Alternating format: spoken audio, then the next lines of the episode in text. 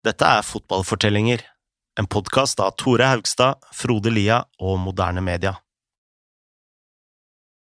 Sommeren 2005 får Sadi Gaddafi en ny kontrakt i Serie A med Udinese. Men det tar ikke lang tid før eventyret i Italia er ute. De neste årene prøver Sadi å spre Libyas innflytelse innen fotballens verden. Men så havner han i sentrum av en revolusjon.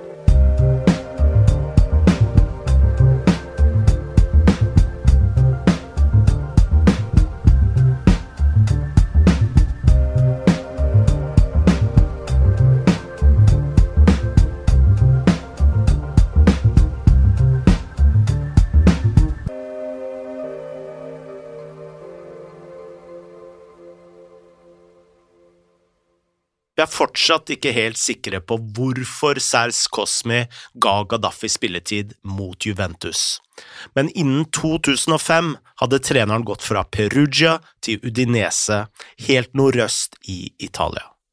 Og der signerte han Gaddafi igjen. I Udine var livet til Sadi på mange måter likt som det hadde vært i Perugia. Han sleit så klart benken, men utenfor banen var han lagets mest profilerte spiller. Og nøkkelpersonen her er en fyr som heter Ivan Molinaro. Han er verken president eller fotballspiller eller livvakt. I stedet så jobber han i mange tiår på et hotell som het La Dimoré. Han var dørvakt der, og for noen år siden så ga han ut en bok hvor han fortalte om livene til noen av gjestene han hadde møtt. Dette var et svært luksushotell, og så klart hadde han historier om Sadi Gaddafi. Molinaro var klin klar på at Sadi var like stein gal som faren. Han sa at Sadi hadde sjekket inn på hotell med et entourage på 15 personer, blant andre privatsjåfører, livvakter, to sekretærer og så klart Sadis høyt elskede hund, som het Dina. Dina var en dobbermann som Sadi brukte til å sniffe Cadillacen for bomber før han satte seg i setet. Denne bikkja så på et eget hotellrom på sin egen seng og fikk råleke mat sendt opp fra kjøkkenet og på døra. Og om dette var sånn her Sadi behandla hunden sin, så sparte han nok heller ikke noe på luksusen sjøl. Ifølge Molinaro drakk han svindyr Sassicaia vin og krystallsjampanje, og en morgen så kom han plutselig inn og krevde tre kilo med kaviar opp på rommet. Og regninga ble betalt av Gaddafi seniors bankkonto i Tripoli. Det får nesten være opp til hver enkelt av oss å velge hvor mange historier vi vil tro på, men uansett ble det lite spilletid på Sadi i Udinese. Kapteinen Valerio Bertotto fortalte Bleacher Report at Sadi visste hvordan fotball fungerer, og at han faktisk hadde en god fot, men igjen var den fysiske delen milevis unna. Sadi var for svak, han ble for fort sliten, og det hjalp nok ikke heller at han kasta i seg vin og kaviar. Men som i Perugia så fikk Sadi noe spilletid. Udinese kom på en ellevteplass den sesongen, og helt mot slutten, i en ubetydelig kamp hjemme mot Cagliari, så fikk Sadi Gaddafi ti minutter. Udinese vant 2-0, noe som betydde at Sadi hadde vunnet alle sine to kamper i Serie A. Sadi ble bare ett år i Udinese. Sommeren 2006 var han igjen kontraktsløs, men han hadde ingen planer om å pakke kofferten og ta privatflyet hjem til Tripoli. I stedet ble han servert en kontrakt på seks måneder av Sampdoria, og igjen er det kanskje vanskelig å forstå hvorfor han fikk nye sjanser. Men så hjelper det kanskje at presidenten i klubben, en mann med navn Ricardo Garone, også var daglig leder i et oljeselskap. Denne gangen fikk ikke Sadi spille et eneste minutt. Men han sjekka igjen inn på et veldig fancy hotell, og denne gangen trenger vi ikke noe dørvakt for å fortelle oss hvor mye penger Sadi brukte. Dette hotellet i Liguria har faktisk tatt Sadi til retten fordi han stakk av gårde uten å betale regninga. Og Kjenner vi ikke sa de rett, så var jo denne regninga ganske stor også. og Det kom frem da at denne regninga gjelder et opphold på seks uker i 2007. Og det er snakk om ikke mindre enn 392 000 euro. Dette var mer enn tre millioner norske kroner på den tida. Altså brukte Sadi 500 000 norske kroner per uke og litt mer enn 70 000 kroner per dag. Dette hotellet var fortvilet over at Sadi aldri betalte. De hadde prøvd å sende regninga til den libyske ambassaden i Roma, men de ville ikke ha noe med den å gjøre. Det virker nesten som Sadi knapt hadde hatt tid til å betale for seg, for han hadde også satt igjen bilen sin utenfor hotellet. Dette var en flott Cadillac, og i 2022, altså 15 år senere, så sto bilen der fortsatt. Ingen hadde nøklene, så hotellet fikk heller ikke flyttet den. Faktisk hadde det vært nødt til å vaske bilen jevnlig, siden ingen ønsket en skitten bil stående foran sitt eget hotell. Hotelldirektøren Aldo Verdin fortalte The Daily Mail at Gaddafi hadde vært en playboy. Han sa at damer fra London og Tripoli hadde besøkt Sadi på hotellet, og at det alltid var mye bråk og leven når Sadi inviterte til fest. Sadi hadde også vært glad i å grille lam ute på terrassen, samme om det var morgen eller kveld. Den ubetalte regninga symboliserte slutten på Sadis opphold i Italia. Han hadde vært der i fire år, spilt for tre klubber og fått to innhopp i ligaen. Han ble senere stemt frem som den verste spilleren som noen gang hadde spilt i Serie A. Nå dro Sadi hjem til Tripoli, men han var ikke ferdig med fotball. Allerede før Sadi hadde dratt til Italia, hadde han prøvd å investere Libyas oljepenger i fotball. I 2005 var det rykter om at Gaddafi-familien kom til å kjøpe selveste Manchester United.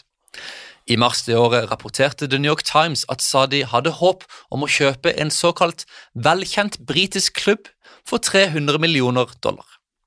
Investoren Mehmet Dalman har sagt at Gaddafi senior bare var timer unna å ro dealen i land. Dette hadde jo vært et kupp, bare spør Glazer-familien nå, men dessverre for Sadi så skjedde dette aldri. Sadi Gaddafi hadde også prøvd seg som idrettspolitiker. Han var kandidat for presidentrollen i det afrikanske fotballforbundet, uten hell, og han hadde også drevet en kampanje for å få VM til Libya i 2010, da han visste at Fifa ville arrangere det et sted i Afrika. Heller ikke dette lyktes han med, og da New York Times intervjuet han i 2005, sa Sadi at det hadde vært en dårlig erfaring, og at han fortsatt var veldig lei seg. Så dro altså Sadi til Italia, men noen år etter at han satte Cadillacen igjen utenfor hotellet, så ble han kasta inn i en situasjon som var langt mer alvorlig enn fotball. I starten av 2011 begynte den arabiske våren, hvor illsinte rebeller starta revolusjoner for å fjerne diktatorer som hadde tviholdt på makta i flere tiår. Dette forvandla det politiske landskapet i Nord-Afrika totalt, og Libya var ikke noe unntak. La oss høre mer fra Mahar Mesai. The, the Arab Spring starts in Tunisia, and it starts because uh, a street vendor is accosted by a police officer who says that they don't have the right permit to be selling, I believe it's fruit or fish where they're, where they're selling it, and they dispossess them of their material. And some people say the police officer slaps the vendor. And from there, you have the vendor that goes home desperate, very low spirit, very low dignity, and they burn themselves, self immolation. And later on in Tunisia, you have many episodes of self immolation. It just, excuse the pun, but it sparks outrage across the country. And that is what eventually deposes uh, Zine Abidine Ben Ali, the, the former Tunisian president. But he goes in, uh, he goes in about a few weeks Gaddafi is even longer. And in Syria, ended up going years and years and years, and Bashar al-Assad is still there. But it, the, the, the heart of those revolutions was frustration, lack of dignity, wanting different, wanting change. And Ben, ben, ben Ali was there for 20, 30 years. Mubarak was there for even longer than that. Gaddafi was there for even longer than that. The Assad family has been there for 50 years, you know. So the people don't feel like they can have change through elections, through whatever it is. So they feel like they can have change through through revolution. And so I think that's why you had those contagious revolutions take place one after the other. Det brøt altså ut protester mot Gaddafi i Libya, Og om vi husker det som skjedde med Alaili Beghazi i første episode, så er det ingen overraskelse å vite at misnøyen var spesielt stor i Østen. Snart ble det klart at bevæpnede og organiserte rebeller ville kaste ut Muhammad Gaddafi som del av en revolusjon. Sadi var tilbake i Libya, og han hadde ingen planer om å holde seg til fotball nå. Han ble utnevnt som kommandør for landets spesialstyrker, og da temperaturen økte i Benghazi, ble han sendt dit for å roe ned folk. Men Sadi var fortsatt upopulær i Benghazi, og klarte ikke i det hele tatt å dempe misnøyen der. I stedet ble han anklaga for å gi hæren ordre om å fyre av skudd mot forsvarsløse sivile. Denne hendelsen ble en skandale, og disse anklagene skulle henge over Sadi i lang tid. Revolusjonen ødela fotballen i Libya, men det betydde ikke at fotballen selv sto der passivt og så på. Innen juni hadde 17 ledende spillere og trenere flykta til byen Jadu, hvor de erklærte sin motstand mot regimet. Utover høsten ble det stadig mer klart at rebellene kunne ta knekken på Gaddafi. Og nå prøvde Sadi å rømme landet. Sadi hadde hjelp fra en fyr som het Gary Peters. Han var en tidligere soldat fra Australia som nå var blitt Sadis lojale livvakt, og sammen prøvde de å smugle seg ut av Libya. Senere kunne Mexicos innenriksminister avsløre at de hadde brutt opp et forsøk på å lure Sadi inn i Mexico under et falskt navn. Men siden dette ikke hadde gått, så fikk Peters heller sneke Sadi inn i Niger, hvor han ble tatt imot på basis av humanitær hjelp. På veien dit ble Peters og Sadi offer for et bakholdsangrep også, og Peters ble visstnok såra av et skudd. Han svarte med å drepe fem personer for å komme seg unna. I oktober 2011 ble Muhammad Gaddafi fanga og drept. Revolusjonen var over, og rebellene hadde vunnet. Etter 42 år som statsleder var Gaddafi borte. Mens rebellene prøvde å organisere seg og skape et nytt Libya, ble Sadi værende i Niger. Han var ikke bare beskyldt for å stå bak mordene på sivile i Benghazi, han var faktisk også anklaget for å ha drept Bashir al-Riyani, en tidligere fotballtrener for al-Ijad, som hadde blitt funnet død i 2005. Så berykta var Sadi nå at Interpol ga ut en såkalt Red Notice, altså en beskjed til regjeringene verden rundt om å arrestere Sadi om de fant ham, og utlevere ham til de relevante myndighetene. Og i 2014 så skjedde nettopp dette med Sadi. Han ble arrestert i Niger og utlevert til Libya, hvor han ble kasta rett i fengsel mens han venta på å bli stilt for retten. Bilder fra denne tida viste Sadi i en blå fengselsdrakt mens han fikk hodet sitt barbert. Året før hadde magasinet Wise klart å finne Peters og intervjua ham om Sadi Gaddafi. De spurte Peters om Sadi virkelig hadde bedt offiserer om å skyte sivile, og Peters sa at Sadi ikke er voldelig og at han ikke likte våpen. De spurte Peters om hvorfor de hadde drept fem personer på vei til Niger, og Peter sa at det var bare for å forsvare seg, og at dette var lovlig i en krigssone. Hva sa de en playboy? spurte Wise. Å ja, det var han, svarte Peters. Han er en morsom fyr å henge med, sa Peters, og ikke bare på grunn av pengene. Han er vittig, og han vet å ha det moro. Veldig moro. I 2018 ble Sadi endelig funnet uskyldig for drapet på Al-Riani.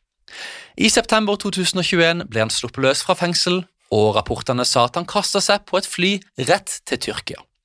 For Libya som land har perioden etter revolusjonen vært veldig ustabil, og en ny borgerkrig brøt ut bare noen år senere, og dette prega så klart fotballen i landet. After the, the, the revolution, when, when Gaddafi is ousted, Libya only plays uh, two matches at home. For, in, in, about 10 years. So they play in 2000, uh, 2014 World Cup qualifying, I believe, against DR Congo and against Togo. And then uh, the, the visiting teams say, We heard gunshots, we hear helicopter noises, we don't want to play here anymore. FIFA interjects and they say, It's done. But from 2011 to the end of the decade, Libya is not playing at home. And playing at home in Africa, especially, is such a big advantage. So the fact that Libya is not playing at home and on top of that, their domestic league is on and off. So 2011, 2013, 2015, 2017, 2019, every other year, the domestic league is completely interrupted and they don't finish it. You have an exodus of Libyan players that leave. And on one hand, this is very bad for Libyan clubs. On the other hand, I believe that now, if we can turn the corner a little bit, the, the professionalism that they're going to learn from playing abroad, I think can perhaps be brought back and implemented into Libya. If they can get some uh, infrastructure, some some stability, and they can start playing at home again, I think that could be uh, something positive in the future. But the, the 2010 to 2020, politics clearly hampered Libya Libya's progress, not only in World Cup chances, which are not great anyways, but also in the African Cup of Nations. Så hvis vi ser på fotballen Libya nå, finnes det noen tegn på et lys i enden av tunnelen? Yeah, it, it's in, it's a weird place. It's in a weird place. Um, when it comes to the uh, 2022 World Cup qualifiers, I believe it was the first time they were playing at home since 2014, um, and they were supposed to be playing in Benghazi. And I remember we had uh, FIFA Plus. Uh, asked me to pitch ideas about North Africa, and I pitched, you know, Libya coming back home. I thought it was a great story, and they loved the idea. But then two weeks later, after you know we fixed everything with a fixer and hotels and everything, they came back to us and they said, "Look, FIFA delegations when they go, they go with the utmost security, including bulletproof transportation." They say so we can't send, uh, you know, a crew out there to to make a documentary. And so it was eventually canceled. So things are back to normal, but not quite. You know what I'm saying? Libyan football won't be back until Libyan politics is, is stabilized. And unfortunately, Libya is still very much divided. Uh, elections were set for, I want to say 14 months ago now, December. Um, and they just kept being postponed, postponed, postponed, postponed. And the main problem in Libya is that you have too many foreign interests. I mean, the Emiratis are there, the Egyptians are there, the Turks are there, the French were there for a long period of time. Uh, everybody wants a piece of the pie because Libya, again, has so many, has so much oil. And, and, and energy is such a rare commodity. And so when you have all of these external powers supporting different factions in Libya, it makes it very, very difficult for them to reconcile and for them to move forward in a unified manner. And so we still don't have these elections that they agreed that they were going to have 14 months ago. And, and until we have these elections and everybody agrees to compromise for the better, for, for, for the good of the Libyan nation, really, uh, football is not going to be back to normal. And, and the, the, the worst case scenario is that they're never able to reconcile and the country splits into two or three, east west or east west and south. Um, but yeah, un- unfortunately, the political situation will dictate the football situation. But things are a little bit better. The national team is playing at home. Clubs are back in the Champions League. Uh, the league hasn't been interrupted in, I mean, it finished last year, so it hasn't been interrupted in, in two, three years. Uh, there seems to be more investment in clubs like Ahli bin Ghazi and Ittihad Tripoli, uh, private businessmen putting in money, bringing a lot of good Libyan players back uh, into the, the Libyan league. Players like uh, Mohamed Maghribi, they're playing at the MLS, you know, pretty good level, and now they're back uh, in the Libyan league. So things are a little bit better, but there's still that cloud of uncertainty that overhangs, and until the political situation is resolved, football won't be back uh, entirely for good, unfortunately. For Sade Gaddafi virker fremtiden usikker. Vi har ikke hørt noe særlig om han siden han slapp ut av fengsel for 18 måneder siden, og som diktatorens sønn er han neppe verdens mest populære mann. Men han har fortsatt venner i Italia, og da han ble sluppet løs, sa Ricardo Gauci, sønnen til The Big Boss, at det var utenkelig at Sadi kunne ha begått gjerningene han var beskyldt for. Han var alltid så høflig og ydmyk, sa Gauci junior. Om Sadi ønsker å komme hit til oss, så vil døren alltid stå åpen.